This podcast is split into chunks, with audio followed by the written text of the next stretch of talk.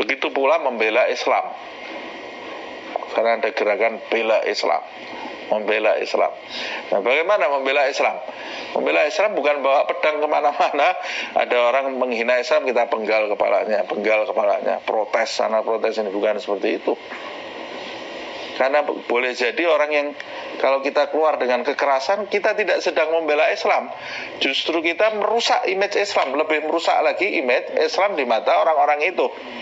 Nah, eh, bagaimana cara membela Islam? Cara membela Islam dengan menyampaikan kepada orang-orang di sekitar kita bagaimana wajah Islam yang benar.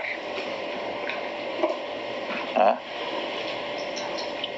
membela itu kalau kita dibela sama orang bodoh itu lebih menyakitkan lebih baik tidak usah dibela. Kalau ada ada orang bodoh mau membela kita itu bisa justru mencelakakan. Nah, justru mencelakakan kita. Sama seperti cerita yang saya sampaikan beberapa waktu yang lalu. Hmm. ada manusia cerita cerita anak-anak ini. Manusia bersahabat sama beruang.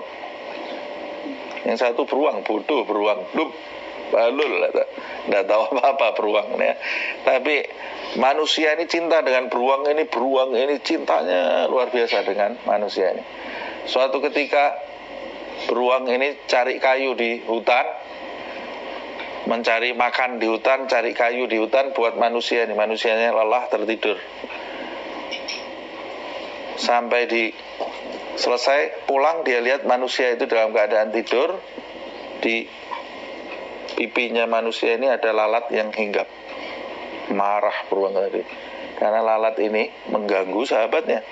Ambil batu dia timpakan ke kepalanya. Hah?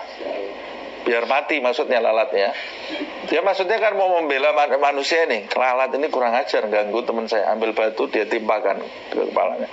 Mati sahabatnya. Ini namanya bersahabat dengan orang bodoh itu menyusahkan. Kadang-kadang dia niatnya baik mau membela tapi salah. Dia bukan justru membela orang tadi, justru melukai orang tadi. Justru melukai. Nah, sama seperti itu kita ini cinta kepada Allah, cinta kepada Rasulullah, cinta kepada Islam, cinta kepada Al-Quran, cinta kepada aulia, cinta kepada ulama, kita pasti di dalam diri kita membela mereka. Kalau ada orang yang mengata-ngatai, kita pasti marah di dalam diri kita. Itu rasa bentuk e, rasa cinta yang ada di dalam hati.